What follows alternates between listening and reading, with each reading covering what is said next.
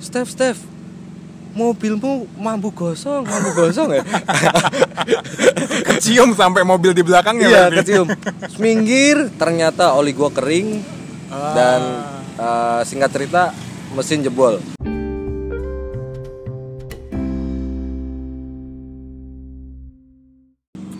Em, halo semuanya, jadi sekarang eh, kita masuk lagi ke podcast Bersegi Pandang bersama saya Prayoga Nyoman. Sebelumnya mungkin sudah ada yang mendengarkan beberapa episode sebelumnya, ada yang Everyday Life dan kalau eh, sempat mendengarkan episode yang sebelumnya ada tentang program dua arah. Ada yang dengar nggak barusan ada suara mobil lewat? Jadi ini saya lagi di outdoor. Nah, kan kenapa lagi di outdoor? Karena sekarang saya lagi di lokasi coffee shop di pinggir jalan yang benar-benar literally di pinggir jalan karena ini bukan coffee shop biasa tapi coffee shop yang berjalan. Nah, saya lagi bersama dengan Mas Stevi ya. Iya. Mas Stevi ini eh, adalah salah satu entrepreneur yang di bidang eh, di bidang kopi dan saya happy banget bisa ketemu Mas Tevi dalam episode bersegi pandang dua arah kali ini. Nah, mungkin ada banyak yang nggak tahu siapa itu Stevi. Bahkan saya juga baru kenal nih sama Stevi. Saya dikenalin sama teman saya. Eh, ada yang ngomong eh, ngasih tahu ke saya, eh ini gue punya temen nih, dia lagi punya bisnis coffee shop, tapi konsepnya food truck. Jadi eh, dia keliling Jawa katanya sih gitu kata teman tem- teman saya. Nah, ini saya ketemu langsung sama Mas Stevi. Mungkin bisa memperkenalkan diri dulu nih. Siapa ini Stevi sesungguhnya? Ya, ya. Jadi nama saya Stevi. Nah, Jadi saya ini di sini founder Red Flower. Eh, saya mulai bisnis kopi sejak 2014 untuk officially dan akhirnya memutuskan untuk bikin eh, coffee truck atau gue lebih nyaman kalau dibilang coffee truck gue ini coffee shop yang berjalan karena semua yang gue bikin di sini proper bar bener-bener even beberapa teman-teman bilang eh, coffee truck lu ini lebih dari coffee shop karena semuanya proper. Kalau bisa karena ini podcast nggak bisa ngelihat. Bisa dilihat di mana nih berarti? bisa lihat di Instagram di @redflower.co Eh, jadi ejaannya cuma dirubah aja jadi V. Sebenarnya bacanya red flower Oh, Iya. Red flower tapi W-nya jadi V. iya. Kayak diselengin aja. Ya, iya. Biar unik. iya unik. Oke. Eh, Mas Tevi dapat konsep dari mana ini eh, coffee shop dengan eh, konsep food truck yang berjalan gitu? Konsepnya dari mana? Apakah memang dari dulu kepengen nih bikin coffee shop tapi pengen sesuatu yang beda atau gimana? Eh, sebenarnya ini kejenuhan sih dari kerja ya yang di kantor terus habis itu eh, yang kuliah tadi terus sempat juga memutuskan mau ngambil S2 di UK di Manchester Eh, terus habis itu akhirnya memutuskan enggak karena gue tahu diri gue ternyata bukan orang yang suka studi ya jadi daripada Berapa tahun mas kuliahnya yang S1-nya? sekitar tujuh tahun lah Gak apa-apa, yang penting Iya, lulus. iya lulus Yang gak lulus juga gak apa-apa sih sebenarnya. Untung IPK juga nggak malu-maluin. Jadi waktu itu sambil kerja, kerja, kerja, kerja, suka banget nyari duit. Terus akhirnya Hmm. Saya juga. Iya bener.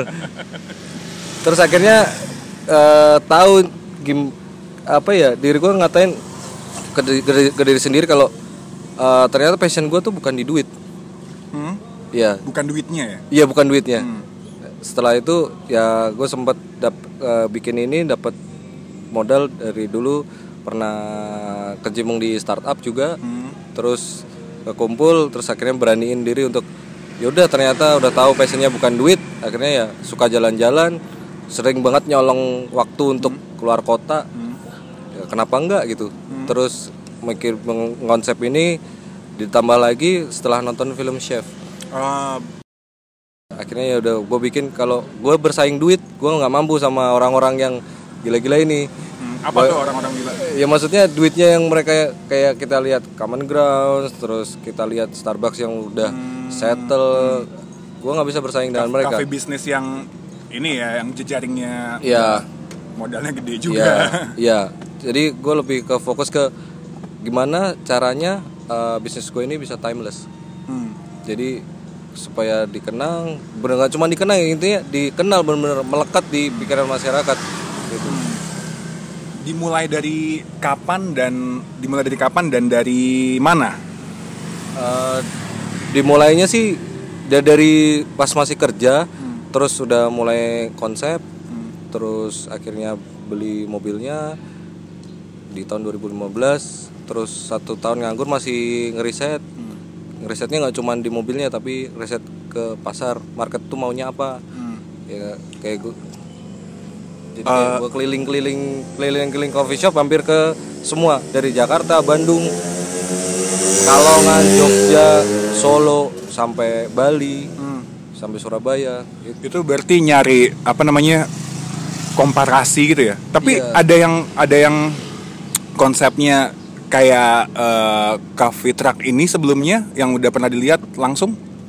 Belum sih kalau gua ngeliat cuman ya ada kan film namanya filosofi kopi. Tapi di situ eh, kenapa kok gua tetap eh, eksekusi bisnis gue ini? Karena filosofi kopi cuman film. Dia tidak menjalaninya. Jadi ya kenapa enggak gue yang ngejalanin? Gitu. Ya udah eh, per- pertamanya banyak ketakutan banyak underestimate. Akhirnya gue apa ya gue balik sendiri dengan pikiran semakin banyak orang yang berpikir kalau gua nggak mampu dan bisnis gua nggak akan berhasil. Justru di situ eh, titik di mana gua akan berhasil. Ada yang underestimate berarti? Semua. Semua ini siapa? Apakah dari keluarga teman-teman? Keluarga teman-teman. Kecuali cewek gua oh gitu Iya, iya. malah yang ngedukung orang pertama cewek Iya. ceweknya Mas Tevi Iya. Karena ya dia tahu kalau gua ngelakuin sesuatu dengan apa yang gua suka dan itu nggak nggak akan setengah-setengah, bener-bener semuanya sempurna. Ya kayak udah apa yang duit yang ada ya itu gua bikin, gua riset. Ya dia tahu dari gua dulu eh, sempat manggung, terus dari startup dengan ngasilin segala macam, terus gua bilang eh, kalau gua kayak gini ntar gue nggak nikmatin hidup. Lu mau nggak eh, bantuin gue untuk gue keluar dari sini dan gue akan fokus ke kopi. Dan gue akan gue gue nerangin bisnis plan gue seperti ini seperti ini. Terus ntar nanti kita finish di Bali kita akan buka coffee shop kita akan cari tempat yang masuk akal secara sales ataupun marketing. Eh, jadi gue juga eh, riset juga di mana nih di Bali nanti gue ya kayak gitu Nah ini kan ngomongin Bali nih. Mungkin kita tarik dulu ke belakang. Yang gue denger nih Mas Tevi start coffee trucknya Itu dari Semarang. Eh, iya, Out- dari, Semarang, Dan sekarang nyampe ke Jakarta. Ini ada visi eh, Atau goal tertentu Dan ibaratnya ada rute yang dilewatin ya berarti ya Nyampe Iya. ke Jakarta. Dan berarti apakah sempat buka di tempat Atau kota-kota lain sebelumnya? Dan kenapa ini eh, Mengambil keputusan untuk apa? Keliling Jawa mungkin bisa dibilang begitu? Ya, jadi keliling Jawa ini banyak sih goalsnya ya. Jadi kalau misalnya memungkinkan, terus eh, Tuhan mengizinkan, terus brand gua jadi, kenapa nggak gua tahu pemetaan dari setiap kota yang gua singgahin? Dan orang sudah mengenal setiap kota yang gue singgahin, gue buka, kenapa enggak? Jadi kayak mereka udah kenal dan bahkan sejauh ini Semarang, Salatiga, sampai Pekalongan mereka menanyakan kapan balik ke kota itu. Jadi kayak yang ya doain aja gue bisa buka cabang di situ gitu. Ah, Iya oke. iya iya. biasanya eh, berapa lama tuh eh, tinggal atau ber- bertempat coffee trucknya nih nongkrong di satu kota tertentu Kurang lebih seminggu sampai satu bulan. seminggu sampai satu bulan Iya. ya kalau udah ada loyal customer yang wah suka nih sama red, red flower, Flower. Suka sama red flower tapi ditinggal pergi nih gitu itu gimana Ya ada customer dari Semarang nyusul ki- kita ke Salatiga sempet juga nyu- nyusul kita sampai ke Pekalongan. Terus customer kita ada yang nyusul dari Semarang ke Jakarta. wow Iya. Jadi padahal dia arahnya mau ke Bandung tapi dia sempetin dulu mampir, ke Mampir. Jakarta Nah. untuk nyamperin gua. Ya udah terus habis itu mereka ke Bandung. tapi berarti nggak cuma kopinya ya ditawarin ya nggak cuman kopinya tapi ya ini gue ngasih di- different experience yaitu lu bisa ngobrol ngopi dan, dan gue selalu memilih tempat yang sepi. Karena supaya quality time orang ngobrol enak nggak beris sebising bisingnya cuman lima menit sekali kan lima menit sekali. Dan di tempat lain tuh kita malah justru nggak ada. Kayak di Pekalongan tuh bisa dihitung jari ya orang yang lewat motor itu pun mau nggak nggak berisik Orang tahu dari mana berarti Red Flower Red Flower ini eh, ibaratnya buka di sini lewat Instagram ya berarti ya? Iya, jadi setiap sebelum kita sampai, misalnya kita udah promote untuk kita akan di kota ini dan tapi sebelumnya enaknya tuh jadi ketika di Semarang itu udah ngegulung ke kota selanjutnya. Jadi kayak udah ke sounding ke Salatiga sebelum kita nyampe ke Salatiga mereka udah yang "Eh, kapan sampai Salatiga? Mereka kayak udah nunggu. Sama juga ketika di sini kita mau ke Bogor ada yang udah nunggu. Oke, di Bogor di mana, Kak? Oh habis Di- dari Jakarta ke Bogor dulu. Iya. ya? Hmm. kayak gitu mereka udah udah nanya, udah udah siap-siap gitu. Untuk Ini berarti Mas Tevi eh, sama siapa nih ngejalaninnya dari satu kota ke kota lain? Apakah udah ada timnya atau nyampe kota tertentu ada yang dilibatin lagi gitu? Jadi memang kita ini masih konvensional semua ya. Jadi ketika kita nyampe ke kota itu kita nggak tahu kita mau jualan di mana. Dan di situ menurut gua seninya. Karena nyari tempat dengan dengan kriteria yang ada itu jadi yang gue pengen eh, itu yaitu dengan banyak pohon segala macam itu memang harus dilihat langsung nggak bisa jadi emang ke- keterbatasan dana untuk nyiptain tim yang besar jadi ya udah kenapa enggak kita kasih waktu 1 sampai tiga hari untuk nyari tempat dan untuk permitnya dan segala macam dan kita selalu legal kok untuk Selalu legal iya, ya? selalu legal Dari berarti udah berapa lama nih Mas? udah jalan tujuh bulan Selama tujuh bulan ini eh, pengalaman yang paling eh, memorable itu bisa menyenangkan atau menyakitkan ya gitu. Itu apa Mas?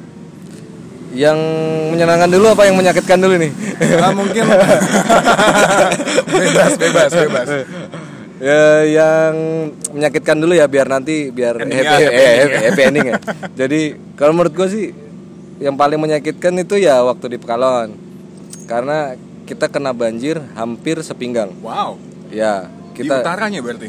iya Oke. jadi kita kena banjir hampir sepinggang dan mobil hampir eh, mesin hampir mati di banjir terus untung Aldi gue kasih tau Al ambil selang lu masukin ke knalpot lu naikin supaya dia dapat nafas lagi. Kenapa? Karena knalpotnya udah kerendam kan?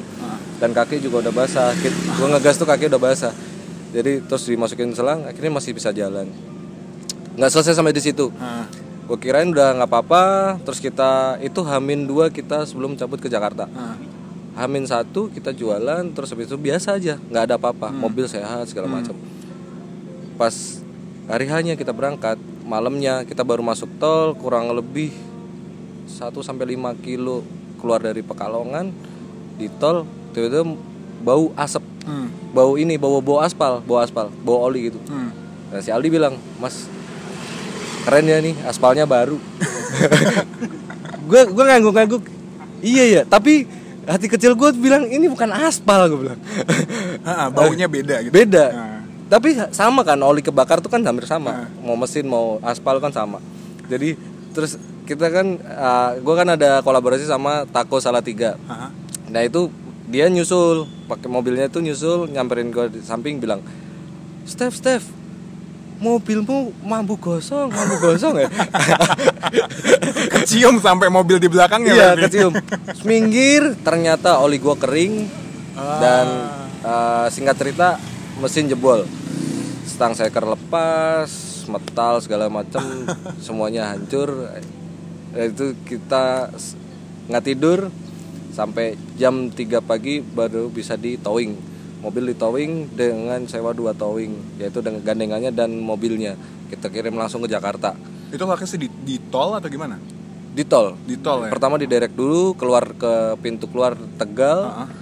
Tapi yang sebelah paling pertamanya. Jadi eh, untuk ke kota Tegalnya masih lumayan lah, sekitar 10 kilo lagi kalau dari situ. Jadi ya udah kita nunggu di eh, salah satu minimarket. Ya udah kita bengong, panas, ngantuk, lapar, aduh semuanya campur aduk. Ah. Kita nggak ngerti mau ngapain lagi. Ya udah mobil naik, terus udah dikirim, terus akhirnya gue putusin untuk kita istirahat dulu yuk. Ah. Kita istirahat dari hotel yang murah-murah. Kita dapat tuh 150 ribu untuk tidur berempat dan hotelnya tuh kecil banget. Ya tapi itu tidur terenak sepanjang hidup gua sih. pulas bener-bener pulas. Capek soalnya. Iya capek banget. Kalau yang happy-nya?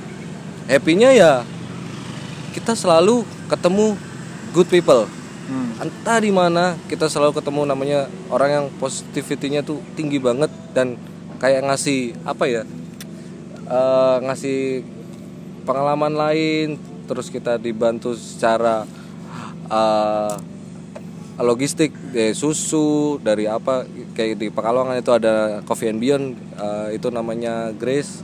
Terus di Salatiga ada namanya Noki eh, owner dari Conresto. Itu gue dibantu banget sama mereka.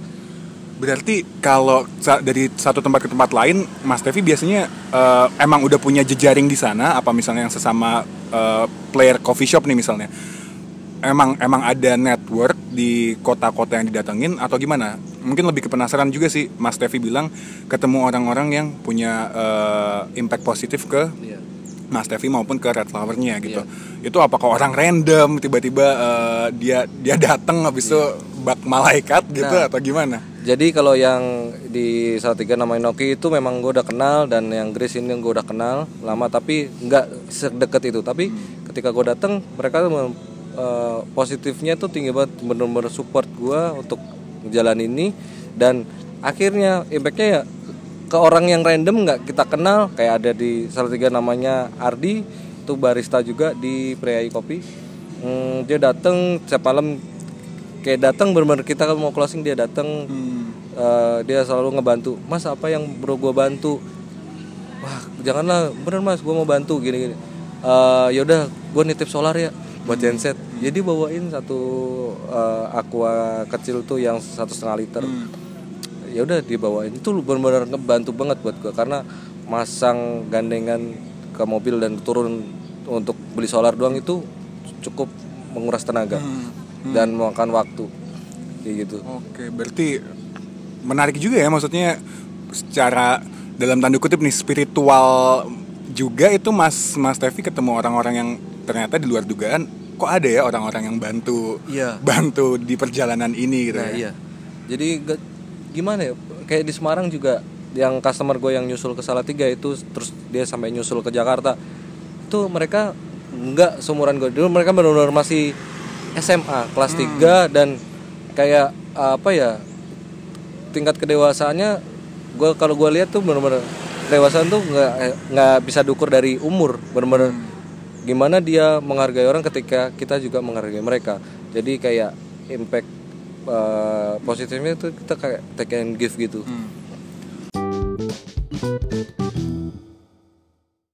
Eh, Mas Tevi ini kan tadi keliling ada timnya ya. Tadi kenalan juga Mas Aldi ya. iya.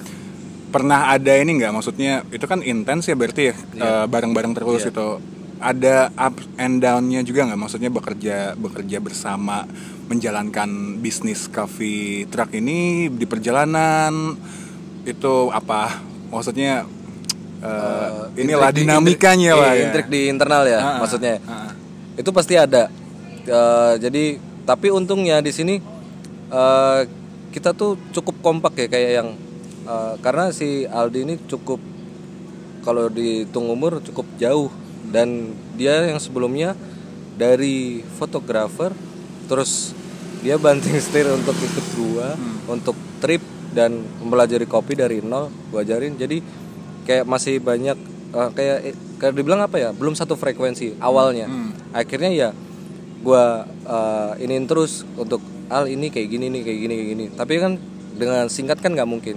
Jadi maklum yang tadinya dia tuh badannya nggak ada nggak ada masalahnya sama sekali jadi kayak yang capean gitu ya wajar Ah. dan gue ngebantu semaksimal mungkin untuk beberes segala macam dari opening biar sama lah sama-sama capek sama-sama ini Ah.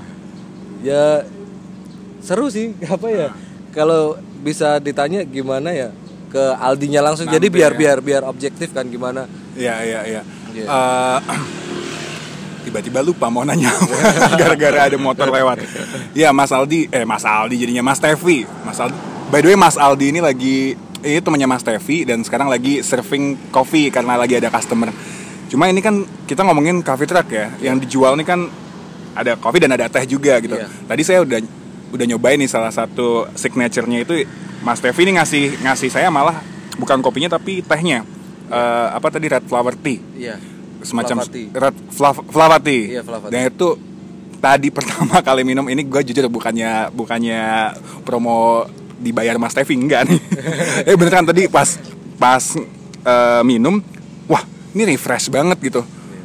Dan jadi snack signature-nya. Nah aku penasaran juga sama Mas Tevi, apakah memang ada background apa ya namanya barista kah barista kan kopi ya tapi ini untuk ngeracik teh juga itu sampai menemukan signature eh, menunya gitu itu gimana Eh, jadi kalau background memang background barista saya ada. Terus saya juga ambil sertifikasi dari SCAA. Jadi saya udah tersertifikasi di SCAA itu organisasi kopi yang ada di US. Eh, jadi untuk kopinya sendiri udah nggak perlu dilaguin karena memang specialty.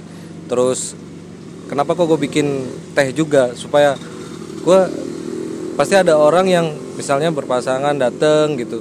Cowok cewek biasanya ceweknya yang aku teh aja deh gitu. Kayak yang aku yang non coffee-nya kayak gitu. Ya udah gue bikin ini flavati terus ada bananas ada matcha. Nah eh, signature drink gue ada tiga. Jadi ada flavati ada bananas sama ada si hitam manis. Kalau untuk kopinya nah duanya ini untuk non coffee karena biasa kan kenapa signature drinknya gue bikin banyak non coffee karena banyak yang belum bisa menerima kopi dengan mudah kayak gitu. target marketnya sebenarnya siapa sih? Target utamanya? Target marketnya sebenarnya ya special people. Jadi kenapa kok uh, ada yang namanya specialty coffee? Itu yang artinya uh, kopi yang spesial kita minum di tempat yang spesial untuk orang yang spesial. Jadi orang yang spesial ini berarti orang yang juga ngerti kopi walaupun yang nggak ngerti kopi kita akan jemput untuk bisa ngerti nantinya.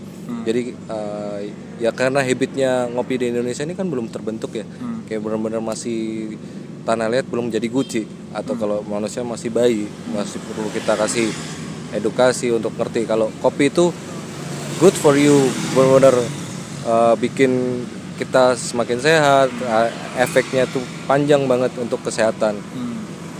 Apa emang mas bagusnya kopi yang mas Tevi pengen edukasiin gitu? Ya jadi banyak banget ya kayak yang dibilang kopi itu kena di lambung itu udah salah besar. Karena kalau specialty coffee berarti dia memang udah spesial jadi di situ dia asamnya itu bukan berarti asam tapi dia good acidity bukan bad acidity. Terus eh, untuk kesehatannya kalau secara generalnya itu menghindari orang eh, terkena Parkinson Alzheimer ya something like that. Kayak eh, benar-benar kanker benar kesehatan-kesehatannya yang sekarang ini kayak bahaya banget buat orang-orang yang untuk jangka panjangnya. Tapi kalau ada yang bilang eh, jangan minum kopi banyak-banyak itu katanya nggak baik untuk kesehatan itu gimana? Iya sesuatu yang berlebihan pasti nggak bagus lah. Oke. Iya. Ya Jadi eh, kalau batasannya kalau eh, specialty coffee itu takarannya bisa lebih banyak dibandingkan eh, untuk yang robusta. Hmm. Jadi kalau specialty biasanya kebanyakan dipakainya itu arabica. Hmm. Dan belum jarang banget karena ada yang namanya fine robusta. Karena secara penelitian memang eh, robusta sendiri KFN-nya cukup tinggi. Dan gue sendiri setiap minum robusta kayak yang rasi jadi kayak yang gue harus ngapain ya? kayak gitu. Gue kayak nggak ngapa-ngapain gue mesti ngepel nih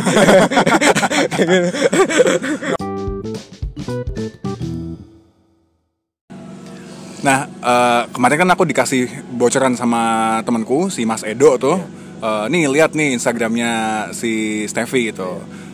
Dia jago analog fotografi. Nah, kan gue lihat-lihat juga kan. nah lucunya yang ngetemuin gue sama Aldi itu lewat analog fotografi Oke. ya Kenalnya ber- berarti bukan karena coffee trucknya dulu ya? bukan Oke. Bukan. Jadi awalnya Aldi ini eh, kenal sama teman gua namanya panggilannya Wak Wak Doyok.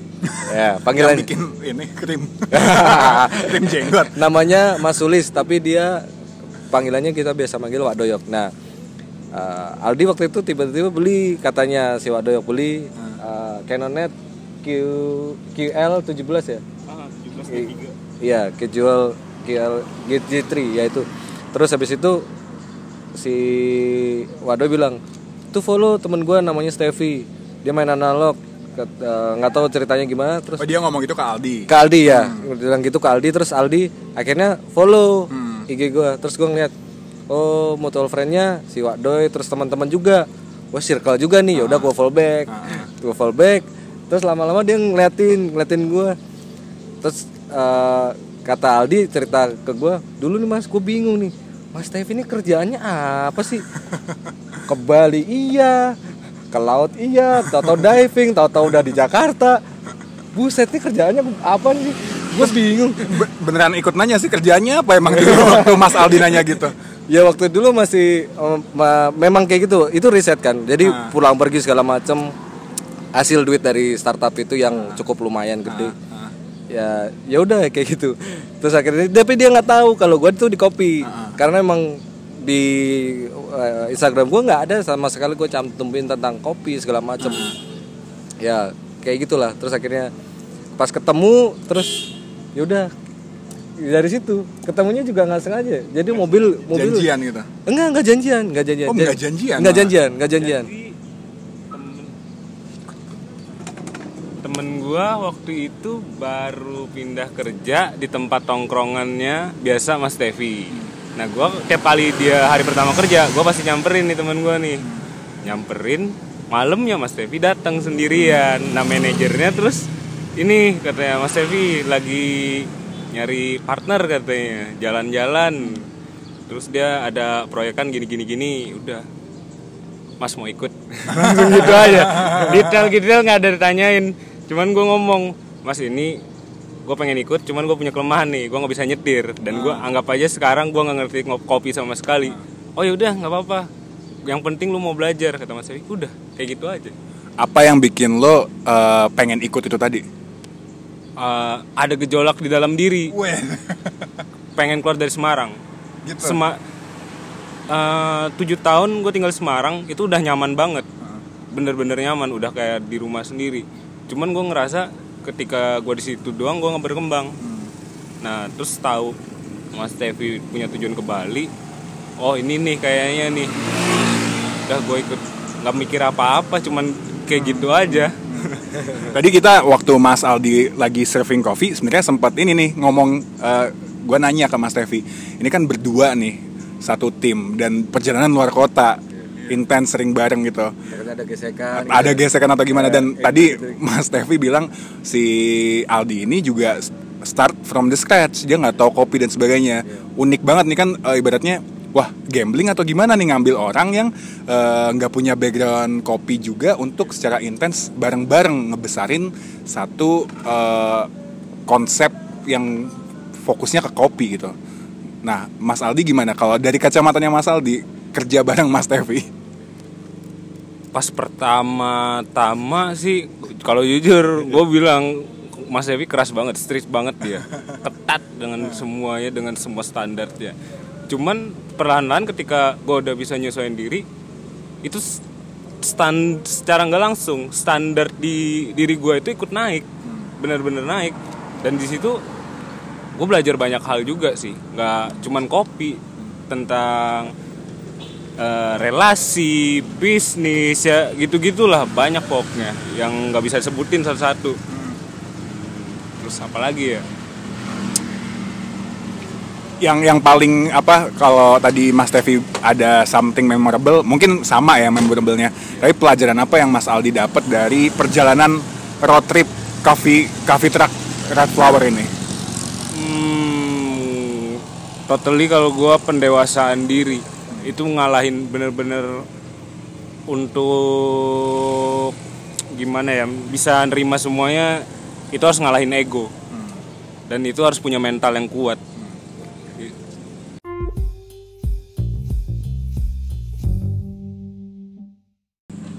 Oke kita sambung lagi.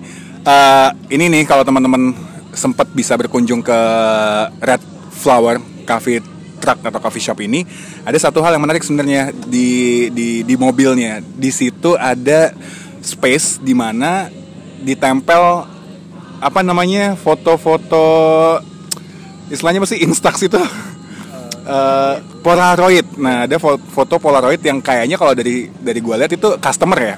Iya. Nah, ini menarik nih. eh, ada beberapa foto customer yang dipasang di di food trucknya. Itu siapa sih? Kenapa sampai eh, di ditempel di situ gitu?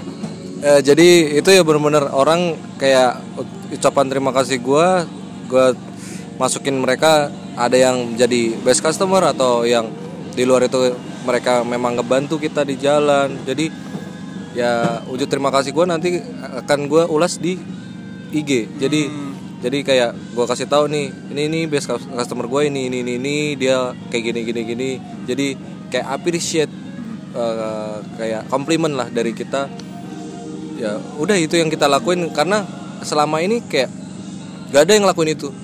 Jadi kayak ya supaya kita sama-sama bener-bener ketika kita didatengin customer yang asik ya kita ngerasa asik dan itu eh, patut untuk dikenang dan supaya kita tetap eh, punya hubungan yang baik kayak gitulah Jadi semacam itu orang-orang yang menjadi teman seiring perjalanannya Iya. Red Flower ini ya. Iya. Ada teman-teman baru Iya. yang diapresiat dengan Iya.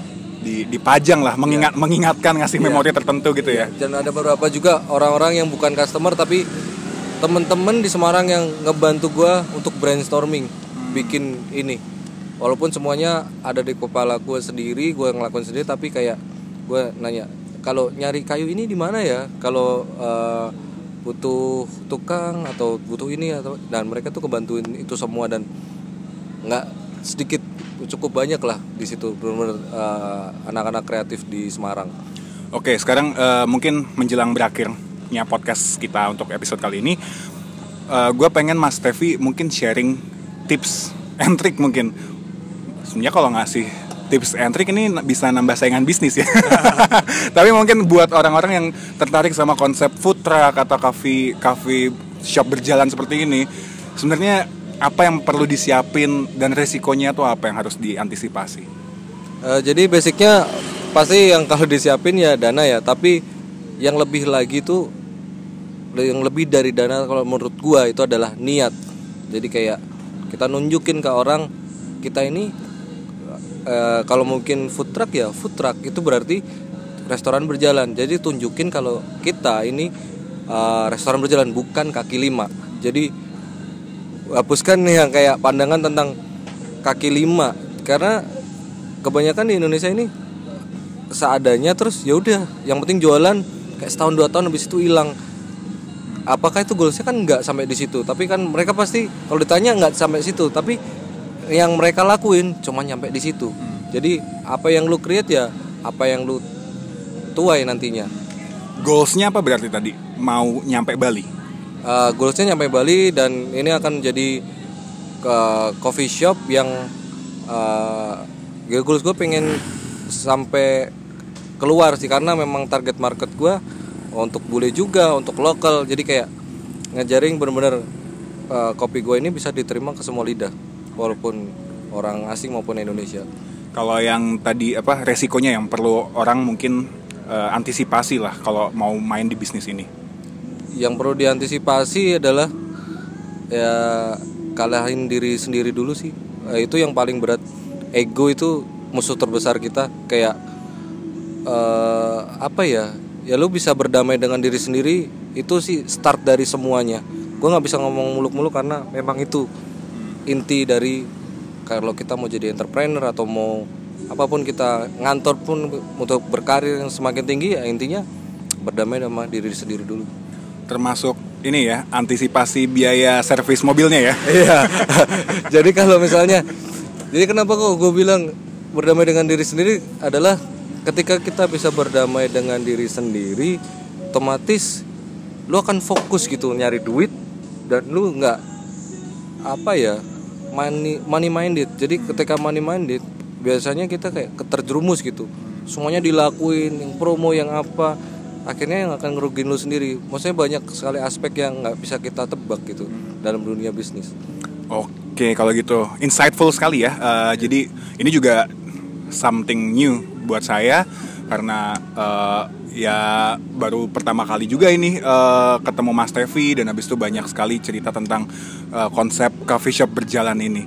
Ini berarti kalau mau ngeliat ada di at red flower tapi w-nya jadi v ya Iya, di Instagram. Oh dot co. Red flower. Dot co. Kalau Mas Tevinya sendiri ada di mana nih kalau mau ada yang kenal personal? Eh, di Stevie SS triple T FY jadi ya. Oke. Stevie kayak s- Ini kalau yang apa mau lihat analog fotografinya jadi selain kopi Mas Tevi ini juga aktif untuk eh, analog fotografi. Oke kalau gitu ini panjang juga ya ternyata ya banyak banget yang diobrolin sebenarnya ini habis ini saya pengen ngobrol lagi di luar podcast karena mumpung di sini. Oke kalau gitu terima kasih udah dengerin. Biasa kalau mau ada masukan saran eh, bisa langsung eh, sementara bisa DM ke Instagram gua di @prayoganyoman dan mungkin bisa ngasih topik, usulan topik tertentu dan lain-lain bisa lewat situ. Oke, itu dulu. Selamat berjumpa lagi mendengarkan saya di episode podcast yang berikutnya di Bersegi Pandang. Eh, sampai ketemu di eh, lain waktu. Ciao.